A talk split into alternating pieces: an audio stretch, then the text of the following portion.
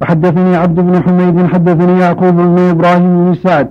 حدثنا محمد بن عبد الله بن مسلم بن ياخي الزهري. عن عمه محمد بن مسلم الزهري. أخبرني عبد الرحمن بن عبد الله بن كعب بن مالك أن عبيد الله بن كعب بن مالك وكان قائد كعب حين عمي. أخبرني عبد الرحمن بن عبد الله بن كعب بن مالك أن عبيد الله بن كعب بن مالك. نعم نعم. وكان قائد كعب حين عمي نعم. قال سمعت كعب بن مالك يحدث حديثه حين تخلف عن رسول الله صلى الله عليه وسلم في غزوة تبوك. سمى عبد الله وسمى عبيد الله. اثنين. عبد الله بن كعب وعبيد الله بن كعب. هكذا عبد الله بن عمر سمى عبد الله على نفسه وسمى عبيد الله. له ابنان أحدهما يقال عبيد الله بن عبد الله بن عمر والثاني يقال عبد الله بن عبد الله بن عمر. وفي جواز التسمية باسم الأب وإن كان حيا. فيسمي على نفسه عبد الله بن عبد الله محمد بن محمد إبراهيم بن إبراهيم وإن كان حيا. نعم. هذا عبيد الله. نعم. أخو عبد الله. أخو عبد الله. عم عم الراوي. عم عبد الرحمن. نعم. وساق الحديث وزاد فيه على يونس فكان رسول الله صلى الله عليه وسلم قلما يريد غزوة إلا ورى بغيرها حتى كانت تلك الغزوة. ولم يذكر في حديث ابن أخي الزهري أبا خيثمة ولحوقه بالنبي صلى الله عليه وسلم. وحدثني سلمة بن شبيب حدثنا الحسن بن أعين حدثنا معقل. يوري بغيرها. ما يعتبر كذب؟ إذا قال. ان كيف الطريق إلى جهة كذا وكذا؟ يفهم من الحاضرين أنه يسافر إلى جهة معينة. مر بغيرها يظهر أشياء. تفهم السامعين أنه يريد الجهه يسأل عن طريق حائل طريق تبوك وما أراد ذلك. يروح طريق ديشه أو طريق أبها ما أراد هذا. لكن يوهم الناس أنه لا يريد الجهه الثانية حتى يهجم على العدو وهو غار.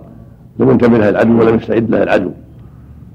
أو أراد جهة المشرق فجعل يسأل عن, عن جهة المغرب. يعني جهة غير جهته التي يريد. ليوهم السامعين أو من العيون التي للعدو ليوهمهم أنه ما أراد جهة العدو الفلاني حتى يأتي العدو وهو غار. إذا كان العدو قد بلغ أو يمكن أن يبلغ بعد ذلك بالدعوة قبل الهجوم عليه. نعم. حدثني سلمة بن شبيب. نعم.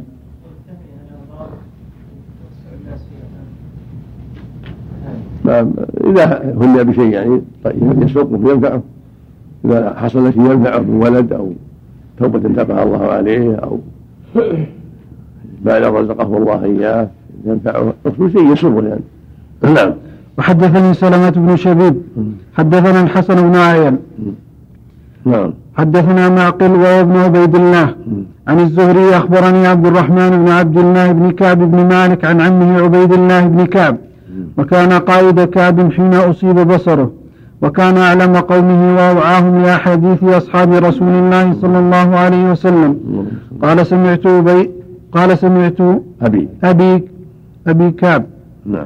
ابن مالك وهو أحد الثلاثة الذين تيب عليهم. يحدث أنه لم يتخلف عن رسول الله صلى الله عليه وسلم في غزوة غزاها قط غير غزوتين. ساق الحديث وقال فيه وغزا رسول الله صلى الله عليه وسلم بناس كثير. يزيدون على عشرة آلاف ولا يجمعهم ديوان حافظ. في بعض الروايات إنهم قد إنهم بلغوا ثلاثين الفا. غزوه غزوه غزوة تبوك. كانوا قريبا من ثلاثين ألف مقاتل. نعم. حديث الإفك. تكلم على تكلم على عشرة. رواية الشارح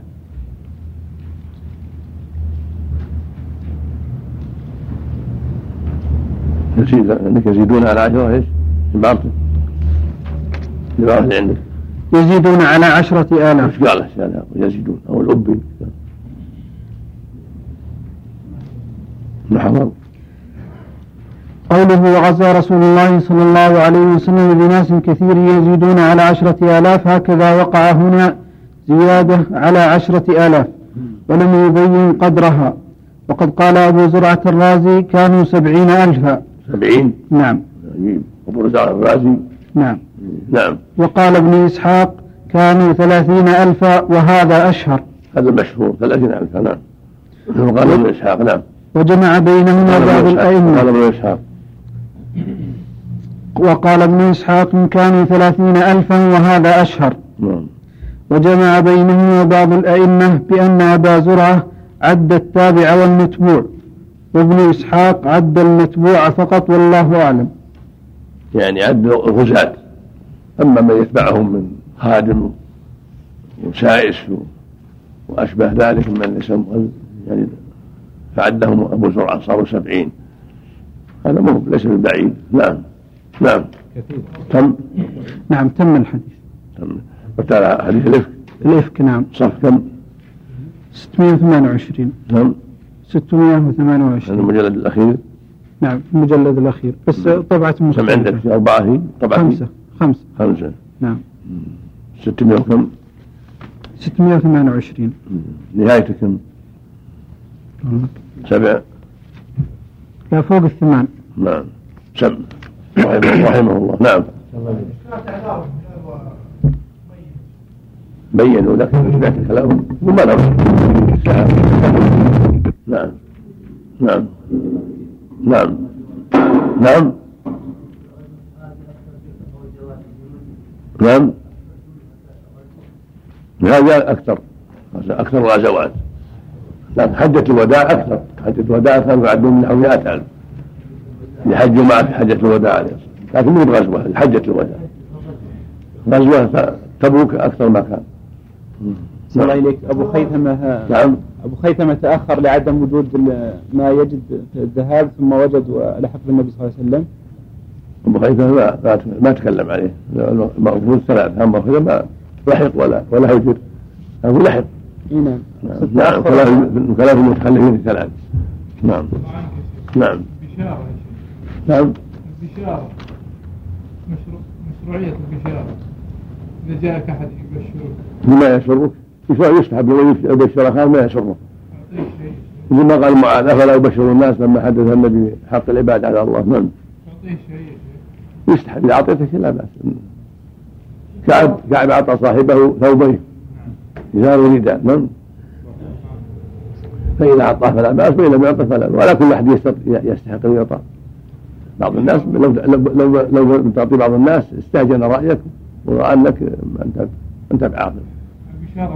ثم إذا جاء فقير أو نحوه يعني إنسان ينفع ينفع فيه العطاء أو يستحق لا بأس أما لو جاءك واحد كبير يبشرك ليس إنه يعطى. لو تعطيه صار نقصا عليك. نعم. الله عنك إذا رزقت بولد الأيام هذه يعطون.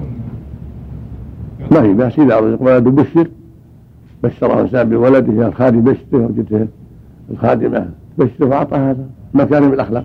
هذا من مكارم الأخلاق. نعم. والعمال أحسن الله إليك اللي يبشرون نعم. عمال المستشفى لما يبشرون صاحب الولد يعطون؟ إذا أعطاهم لا الله. مانع نعم. نعم.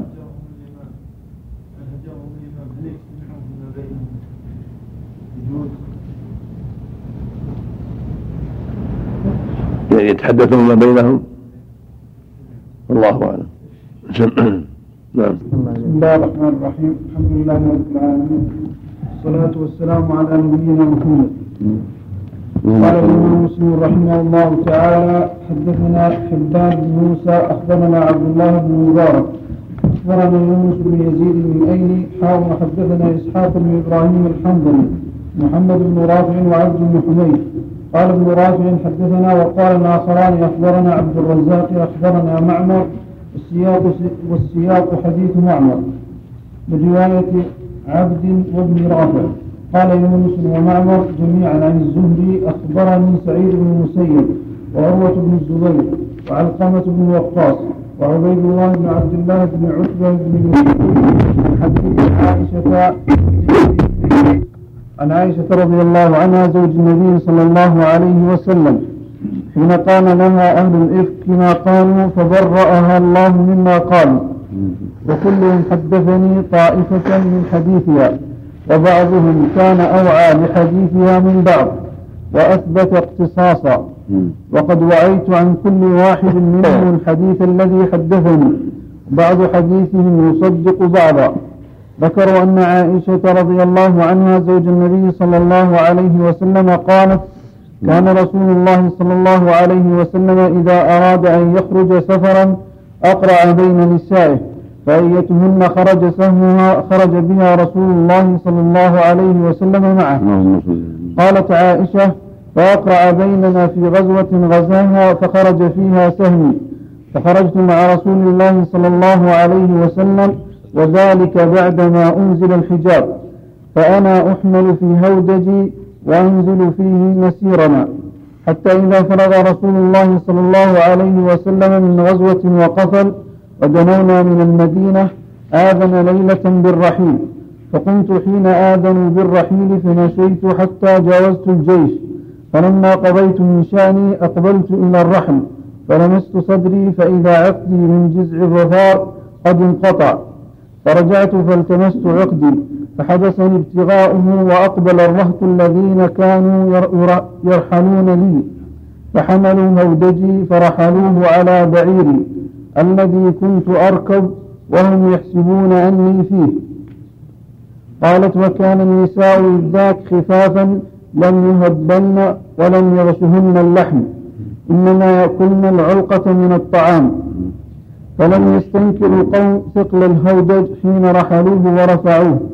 وكنت جارية حديثة السن فبعثوا الجمل وساروا ووجدت عقدي بعدما استمر الجيش فجئت منازلهم وليس بها داع ولا مجيب فتيممت منزلي الذي كنت فيه وظننت أن القوم سيفقدوني فيرجعون فيرجعون إلي فبينا أنا جالسة في منزلي غلبتني عيني فنمت.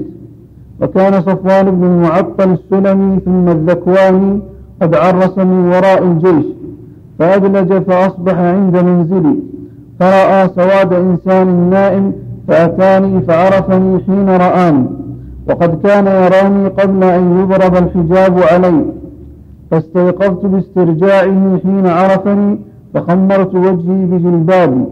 فوالله ما يكلمني كلمة ولا سمعت منه كلمة غير استرجاعه حتى أناخ راحلته وهذا فيه بيان أنه بعد الحجاب أمرنا أمر النساء بتخليل الوجوه قد خمرت وجهي وهذا عام داخل في قوله وإذا سألتم المتاع فاسألوهن من وراء حجاب وهكذا جاء في الصحيح البخاري. فالحجاب يشمل بدنها كله نعم. حتى أناخ راحلته فوطئ على يدها فركبتها فانطلق يقود بالراحلة حتى أتينا الجيش بعدما نزلوا موغرين في نحر الظهيرة فهلك من هلك في شأني. وكان الذي تولى كبره عبد الله بن أبي بن سلول. فقدمنا المدينة. فاشتكيت حتى قدمنا المدينة شهرا. والناس يفيضون في قول أهل الإفك. ولا أشعر بشيء من ذلك الله. وهو يريبني في وجعي أني لا أعرف من رسول الله صلى الله عليه وسلم اللطف الذي كنت أرى منه حين أشتكي.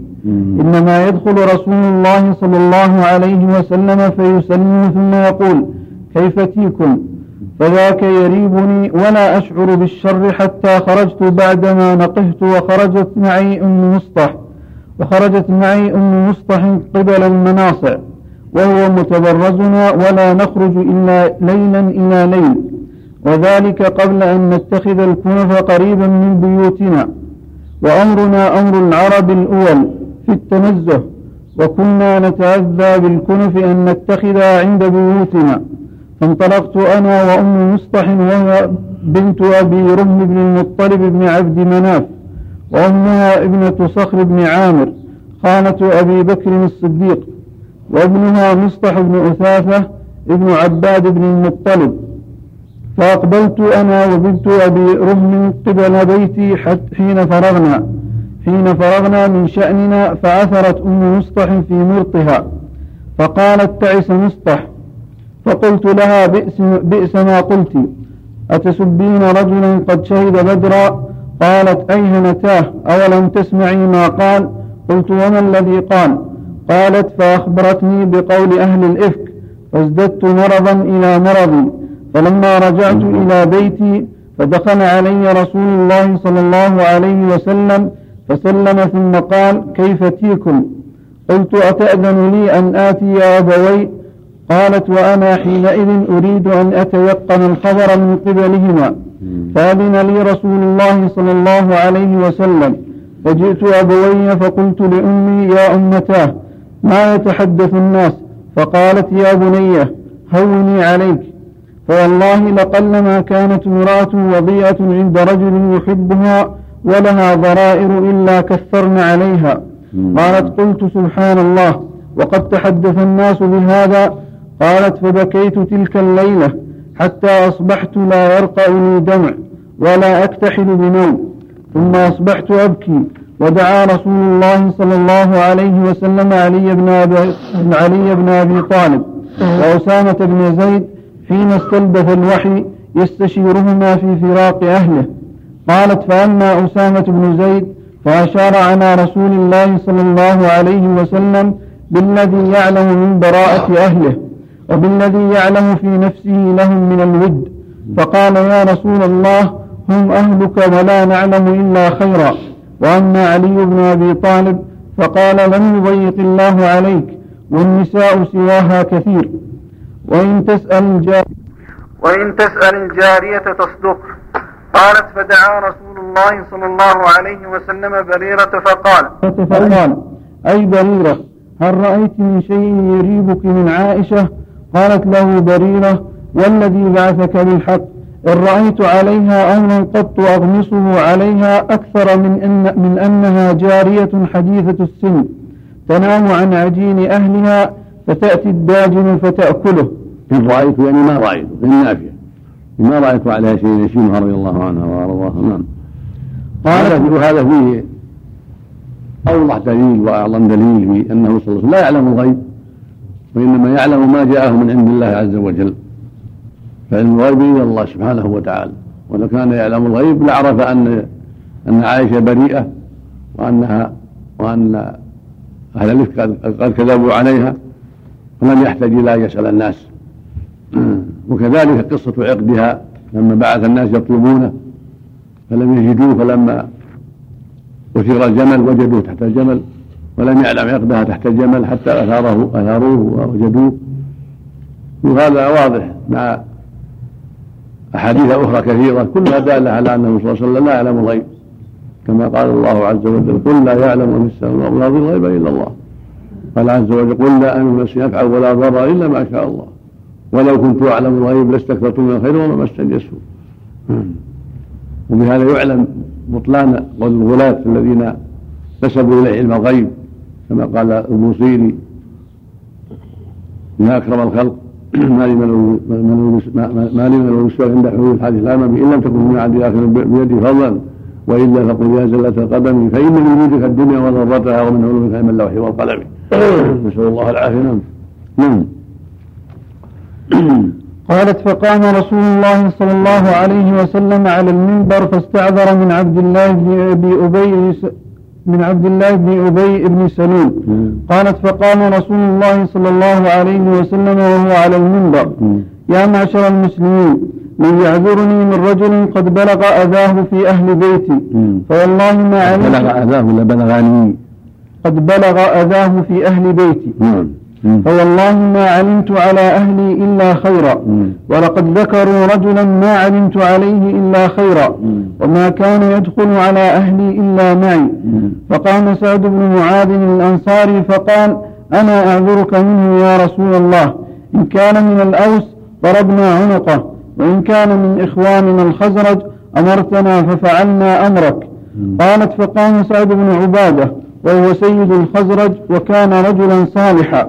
ولكن اجتهلته الحمية فقال لسعد بن معاذ كذبت لعمر الله لا تقتلني ولا تقدر على قتله. فقام أسيد بن حضير وهو ابن عم سعد بن معاذ.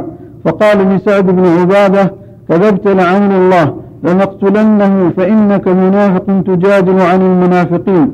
فثار الحيان الأوس والخزرج حتى هموا أن يقتتلوا. ورسول الله صلى الله عليه وسلم قائم على المنبر فلم يزل رسول الله صلى الله عليه وسلم يخفضهم حتى سكتوا وسكت. قالت وبكيت يومي ذلك لا يرقى لي دمع ولا أكتحل بنوم. ثم بكيت ليلة مقبلة. لا يرقى دمع ولا أكتحل بنوم. وأبواي يظنان أن البكاء فالق كبدي فبينما هما جالسان عندي وأنا أبكي استأذنت علي امرأة من الأنصار فأذنت لها فجلست تبكي قالت فبينا نحن على ذلك؟ دخل علينا رسول الله صلى الله عليه وسلم. فسلم ثم جلس. قالت ولم يجلس عندي منذ قيل لي ما قيل. ولقد لبث شهرا لا يوحى إليه في شأني بشيء. قالت فتشهد رسول الله صلى الله عليه وسلم حين جلس. ثم قال أما بعد يا عائشة. فإنه قد بلغني عنك كذا وكذا فإن كنت بريئة فسيبرئك الله وإن كنت ألممت بذنب فاستغفر الله وتوبي إليه فإن العبد إذا اعترف بذنب ثم تاب تاب الله عليه. قالت فلما قضى رسول الله صلى الله عليه وسلم مقالته قلص دمعي حتى ما أحس منه قطرة أما بعد أما بعد. أما بعد. ثم قال أما بعد يا عائشة فإنه قد بلغني عنك كذا وكذا. فإن كنت بريئة فسيبرئك الله. وإن كنت ألممت بذنب فاستغفر الله وتوبي إليه فإن العبد إذا اعترف بذنب ثم تاب تاب الله عليه قالت فلما قضى رسول الله صلى الله عليه وسلم مقالته قلص دمعي حتى ما أحس منه قطرة فقلت لأبي أجب عني رسول الله صلى الله عليه وسلم فيما قال فقال والله ما أدري أقول لرسول الله. فقال والله ما أدري ما أقول لرسول الله صلى الله عليه وسلم. فقلت لأمي أجيبي عني رسول الله صلى الله عليه وسلم. فقالت والله ما أدري ما أقول لرسول الله صلى الله عليه وسلم. فقلت وأنا جارية حديثة السن لا أقرأ كثيرا من القرآن. إني والله لقد عر- عرفت أنكم قد سمعتم بهذا حتى استقر في نفوسكم وصدقتم به.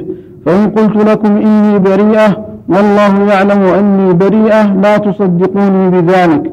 ولئن اعترفت لكم بأمر والله يعلم أني بريئة لتصدقونني. وإني والله ما أجد لي ولكم مثلا إلا كما قال أبو يوسف فصبر جميل والله المستعان على ما تصفون. قالت ثم تحولت فاضطجعت, على فراشي. قالت وأنا والله حينئذ أعلم أني بريئة وأن الله مبرئي ببراءتي. ولكن والله ما كنت أظن أن ينزل في شأني وحي يتلى ولشأني كان أحقر في نفسي من أن يتكلم الله عز وجل في بأمر يتلى. ولكني كنت أرجو أن يرى رسول الله صلى الله عليه وسلم في النؤيا في النوم رؤيا يبرئني الله بها. قالت فوالله ما رام رسول الله صلى الله عليه وسلم مجلسه ولا خرج من أهل البيت أحد. حتى أنزل الله عز وجل على نبيه صلى الله عليه وسلم فأخذه ما كان يأخذه من البرحاء عند الوحي حتى إنه ليتحدر منه مثل الجمان من العرق في اليوم الشات. مثل الجمان من العرق في اليوم الشات. من ثقل القول الذي أنزل عليه. قالت فلما سري عن رسول الله صلى الله عليه وسلم وهو يضحك فكان أول كلمة تكلم بها أن قال أبشري يا عائشة أما الله فقد برأك. فقالت لي أمي قومي إليه. فقلت والله لا أقوم إليه ولا أحمد إلا الله هو الذي أنزل براءتي.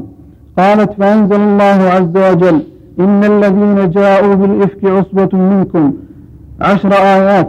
فأنزل الله عز وجل هؤلاء الآيات ببراءتي. قالت فقال أبو بكر وكان ينفق على مصطح لقرابته منه وفقره والله لا أنفق عليه شيئا أبدا بعد الذي قال لعائشة فأنزل الله عز وجل ولا يأتني أولي الفضل منكم ولا يأتني. أولي الفضل منكم والسعة أن يؤتوا أولي القربى. إلى قوله ألا تحبون أن يغفر الله لكم؟ قال حبان بن موسى قال عبد الله بن مبارك هذه أرجى آية في كتاب الله. فقال أبو بكر والله إني لأحب أن يغفر الله لي. فرجع إلى فرجع إلى مصطح النفقة التي كان ينفق عليه. وقال لا أنزعها منه أبدا. قالت عائشة وكان رسول الله صلى الله عليه وسلم سأل زينب بنت جحش زوج النبي صلى الله عليه وسلم عن أمري ما علمت أو ما رأيت فقالت يا رسول الله أحمي سمعي وبصري والله ما علمت إلا خيرا. قالت عائشة وهي التي كانت تساميني من أزواج النبي صلى الله عليه وسلم فعصمها الله بالورع. وطفقت أختها حمة بنت جحش تحارب لها فهلكت في من هلك. قال الزهري فهذا ما انتهى إلينا من أمر هؤلاء الرهب. وقال في حديث يونس احتملته الحمية. وحدثني أبو الربيع العتكي حدثنا فليح بن سليمان حاول وحدثنا الحسن بن علي الحلواني وعبد بن حميد قال حدثنا يعقوب بن إبراهيم بن سعد حدثنا أبي عن صالح بن كيسان كلاهما عن الزهري بمثل حديث يونس ومعمر في إسنادهما. وفي حديث فليح اجتهلته الحمية كما قال معمر. وفي حديث صالح احتملته الحمية. كقول يونس. وزاد في حديث صالح قال عروة كانت عائشة تكره أن يسب عندها حسان وتقول فإنه قال فإن أبي ووالده وعرضي لعرض محمد منكم وقاو وزاد أيضا قال عروة وزاد أيضا قال عروة قالت عائشة والله إن الرجل الذي قيل له ما قيل ليقول سبحان الله فهو الذي نفسي بيده ما كشفت عن كنف أنثى قط. قالت ثم قتل بعد ذلك شهيدا في سبيل الله. وفي حديث يعقوب بن إبراهيم موعرين في نحر الظهيرة. وقال عبد الرزاق موغرين. قال عبد بن حميد قلت لعبد الرزاق ما قولهم موغرين؟ قال الوغرة شدة الحر. حدثنا أبو بكر بن أبي شيبة ومحمد بن العلا قال قال حدثنا أبو أسامة عن هشام بن عروة عن أبي عن عائشة رضي الله عنها قالت لما ذكر من شأن الذي ذكر وما علمت به قام رسول الله صلى الله عليه وسلم خطيبا فتشهد فحمد الله وأثنى عليه بما هو أهله. ثم قال أما بعد أشيروا علي في أناس أبنوا أهلي وأين الله؟ نعم بالتشديد وبالتخفيف. نعم. واضح نعم. هو بباء موحدة مفتوحة مخففة ومشددة. رواه هنا بالوجهين التخفيف أشهر ومعناه اتهموها. في أناس أبنوا أهلي وأين الله ما علمت على أهلي من سوء قط. وأبنوهم بمن والله ما علمت عليه من سوء قط. ولا دخل بيتي قط إلا وأنا حاضر ولا غبت في سفر إلا غاب معي. وساق الحديث بقصته وفيه ولقد دخل رسول الله صلى الله عليه وسلم بيتي فسأل جاريتي فقالت والله ما علمت عليها عيبا إلا أنها كانت ترقد حتى تدخل الشاة فتدخل عجين فتأكل عجينها أو قالت خميرها شك هشام. فانتهرها بعض أصحابه فقال اصدقي رسول الله صلى الله عليه وسلم حتى أسقطوا لها به. فقالت سبحان الله. والله ما علمت عليها إلا ما يعلم الصائغ على تبر الذهب الأحمر. ولقد بلغ الأمر ذلك الرجل الذي قيل له فقال سبحان الله والله ما كشفت عن كنف أنثى قط. قالت عائشة وقتل شهيدا في سبيل الله. وفيه أيضا من الزيادة وكان الذي تكلموا به وكان الذي تكلموا به مصطح وحنة وحسان. تلقوه عن عبد الله بن أبي. إنه اللي أشاعة. نسال الله العافيه نعم. فقام النبي الحد على هؤلاء الثلاثة. نعم. تزوج نعم. معطل هذا. كان ما تزوج نعم. رضي الله عنه. نعم. نعم. نعم. وكان الذين تكلموا به مصطح وحمة وحسان وأما المنافق عبد الله بن أبي فهو الذي كان يستشويه يستوشيه ويجمعه وهو الذي تولى كبره وحمله الله الله نعم. حدثني زهير بن حرب حدثنا عفان حدثنا حماد بن سلمة أخبرنا ثابت عن أنس رضي الله عنه أن رجلا كان يتهم بأم ولد رسول الله صلى الله عليه وسلم. وفي هذا من الآيات والعبر دلالة على أن العبد الصالح والأمة الصالحة قد يبتلى كل منهما فالواجب الصبر وعدم الجزع. فلو كان أحد يسلم من البلاوي والمحن لسلم الأنبياء وهم أفضل الخلق الرسل عليهم الصلاة والسلام. ثم الصحابة وهم أفضل الخلق بعد الرسل. وهذا مصداق الحديث الصحيح أشد الناس بلاء الأنبياء ثم الأمثل فالأمثل.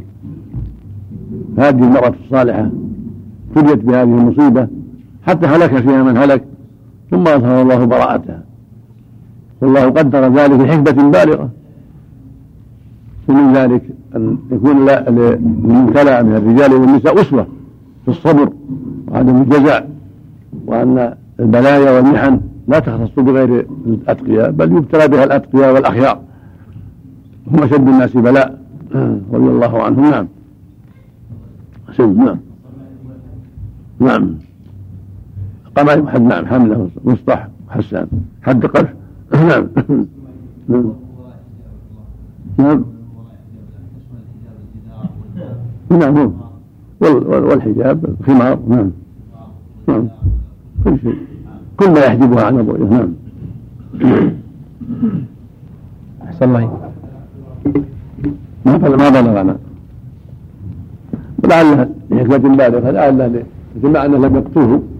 لئلا يتحدث الناس أن محمد وأصحابه ولأن له عشيرة كبيرة ويخشى الفتنة. نعم. أحسن الله إليك. أو لأنه لم يقذف إنما يحش يتحدث به يقول فلان قال فلان ما قذفه إنما يحكي الكلام. يوشيه أن ينشره. قال فلان كذا وقال فلان كذا يعني أنا ما ما رميت أنا ما قذفت إنما يحكي. نعم. قوله من يعذرني في رجل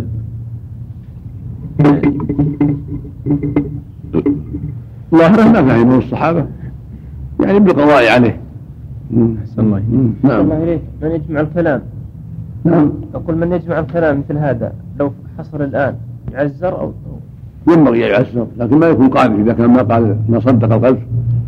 ينبغي أن يعزر لأنه أفشى الشر ونشره. نعم.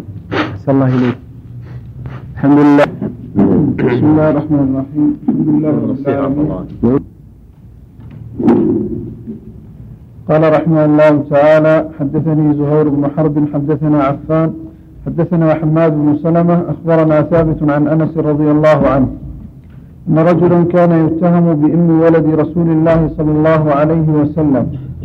فقال رسول الله صلى الله عليه وسلم لعلي اذهب فاضرب عنقه. فأتاه علي فإذا هو في ركي يتبرد.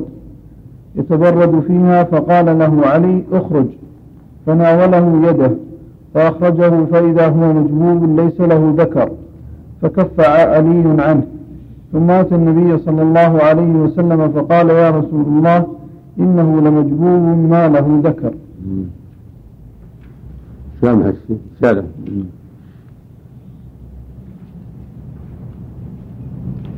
ذكر في الباب حديث أنس أن رجلا كان يتهم بأم ولد بأم ولده صلى الله عليه وسلم.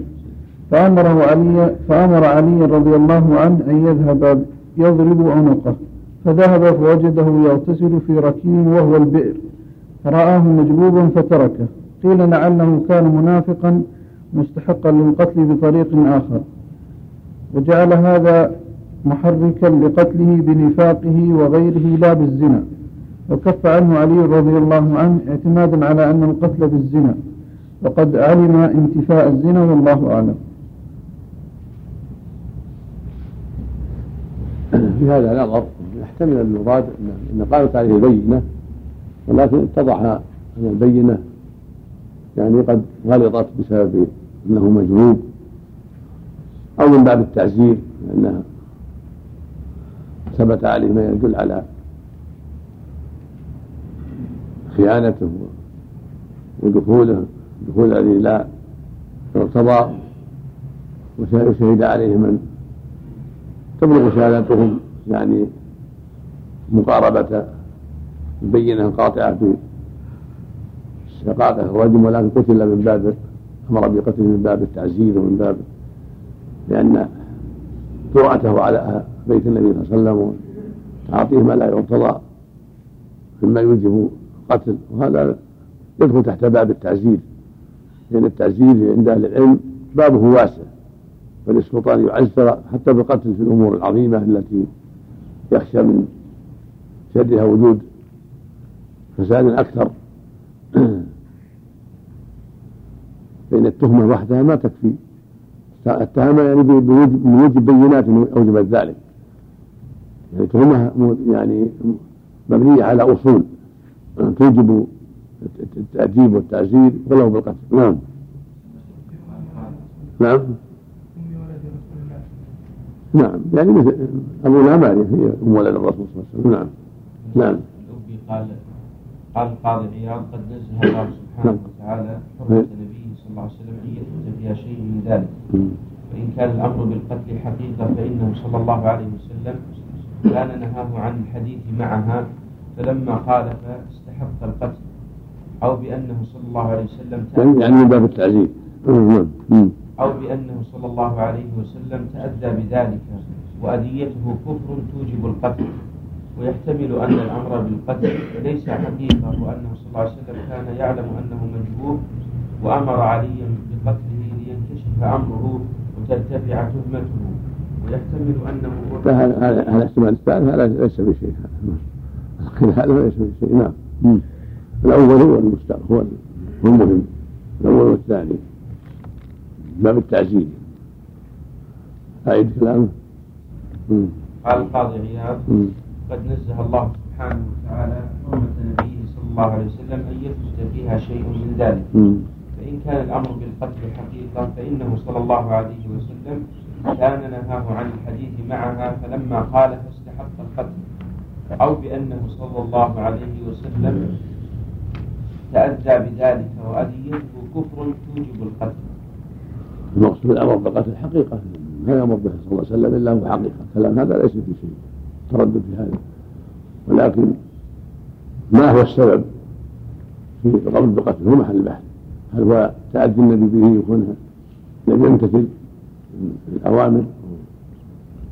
أو لأسباب أخرى غير مجرد التأذي من كونه فعل أشياء توهم الناس ما قد يظن معه الزنا. وذلك عظيم في جانب حرمته صلى الله عليه وسلم وأهله. الحاصل أن اولى ما يقال في هذا من باب التعزيز لأن هذا الرجل فعل أشياء توجب ذلك وتضر بسمعة النبوة وبيت النبوة. فلما ظهر براءته من ما يتهم به من الفاحشة؟ عفى عنه عليه الصلاة والسلام. ولا يلزم من هذا العفو الا الا يؤدب أو لا يطرد أو لا إلى غير هذا نعم. كتاب الصفات المنافقين واحكامهم فيه من الفوائد تثبت المأمور. وأن المأمور إذا أمر بشيء فليتثبت ولا يعجل إذا كان يخشى في الأمر شيء. فأي لما ظهر له ما يجب عدم القتل ثبت وبين النبي صلى الله عليه وسلم فينبغي يكون المأمور الوكيل على غاية من العناية والبصيرة وعدم العجلة والتثبت في الأمور. لأن الآمر قد يأمر بشيء على حسب ما بلغه. فيكون الذي بلغه قد أخطأ أو غلط أو لبس عليه. فينبغي للمأمور الوكيل أن يكون عنده من الثبات والعناية والتبصر وعدم العجلة. حتى لا يقع الخطأ غير مقصود نعم. نعم. كتاب صفات المنافقين وأحكامهم. نعم. حدثنا أبو بكر بن أبي شيبة حدثنا الحسن بن موسى حدثنا زهير بن معاوية حدثنا أبو إسحاق أنه سمع زيد بن أرقم رضي الله عنه يقول خرجنا مع رسول الله صلى الله عليه وسلم في سفر أصاب الناس فيه شدة فقال عبد الله بن أبي لأصحابه لا تنفقوا على من عند رسول الله حتى ينفضوا من حوله. قال زهير وهي قراءة من خفض حوله. وقال لئن رجعنا إلى المدينة وهي قراءة؟ وهي قراءة من خفض حوله. من حفظ قوله؟ خفض. ظرف يعني.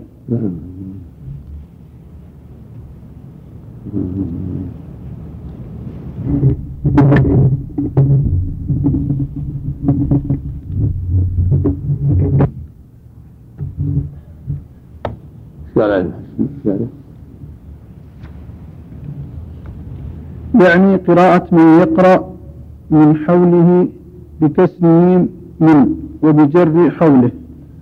واحترز به عن القراءة الشاذة من حوله بالفتح. من حوله. من حوله.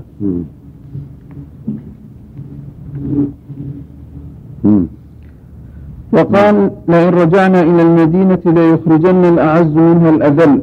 قال فأتيت النبي صلى الله عليه وسلم فأخبرته بذلك. فأرسل إلى عبد الله بن أبي فسأله فاجتهد يمينه ما فعل. فقال كذب زيد. فقال كذب زيد رسول الله صلى الله عليه وسلم. قال فوقع في نفسي مما قالوه شدة حتى أنزل الله تصديقي. إذا جاءك المنافقون. قال ثم دعاهم النبي صلى الله عليه وسلم ليستغفر لهم قال فلووا رؤوسهم وقوله كأنهم خشب مسندة وقال كانوا رجالا أجمل شيء. نسأل الله العافية. حدثنا أبو بكر بن أبي شيبة وزهير بن حرب وأحمد بن عبده الضبي واللفظ لابن أبي شيبة قال ابن عبده أخبرنا وقال الآخران حدثنا سفيان بن عيينة عن عمرو أنه سمع جابر رضي الله عنه يقول وفي هذا من الفوائد أن ما ينبغي للعاقل أن يغتر بحسن الجسم ولا بحسن المنطق. فقد يكون القول قد يكون الرجل حسن الصورة حسن القول ولكنه مريض القلب بعيد بعيد عن الخير متهم بالنفاق. كما قال جل وعلا وإذا رأيت رأيت أن تعجبك أجسامهم وإن يقولوا تسمع لقولهم من فصاحتهم ثم قال كأنهم خشب مسندة. يسمعون كل صيحة عليهم العدو فاحذرهم قاتلهم الله أن يوفقون. فالصور وفصاحة القول لا ينبغي أن يغتر بها العاقل ينبغي ينظر في المخبر في الحقيقة في خوفه من الله في مراقبته له في أدائه فرائضه في وقوفه عند محارمه. حتى يتبين له أمره. نعم. والمنافقون هكذا. لا سيما عبد الله بن أبي. كان حسن الصورة عظيم الجثة فصيح اللسان. اضطر به قومه. نعم. حتى هدى الله هداهم الله للإسلام. وكفاهم شره. نعم. عن عمرو أنه سمع جابر رضي الله عنه يقول أتى النبي صلى الله عليه وسلم قبر عبد الله بن أبي فأخرجه من قبره فوضعه على ركبتيه ونفث عليه من ريقه وألبسه قميصه فالله أعلم. حدثني أحمد بن يوسف الأزدي حدثنا عبد الرزاق أخبرنا ابن جريج أخبرني عمرو بن الدينار قال سمعت جابر بن عبد الله رضي الله عنهما يقول جاء النبي صلى الله عليه وسلم إلى عبد الله بن أبي بعدما أدخل حفرته فذكر بمثل حديث سفيان. وهذا من باب التعريف لأن كان يتألف قوم على الإسلام ويتألفهم على قوة الإيمان ويرجو له قبل أن يعلم أنه كافر وأن نفاقه وما يتهم به حقيقة. حتى أنزل الله في ذلك. ولا تصلي على أحد مما تبعد ولا تقوم على قبره. إنهم كفروا بالله وبرسوله نعم نسأل الله السلامة نعم. لأن كان يعتذر كثيرا ويتظاهر بالإسلام وربما قام يوم الجمعة يخطب الناس ويقول يا أيها الناس اشكروا الله على ما النبي عليكم من هذا النبي العظيم واتبعوه وسيروا على نهجه. فيغر الناس بما يظهر من كلامه وخداعه وبراءته من النفاق. نسأل الله العافية والسلام. نعم. نعم. حدثنا أبو بكر بن أبي شيبة حدثنا أبو أسامة حدثنا عبيد الله بن عمر عن نافع عن ابن عمر رضي الله عنهما قال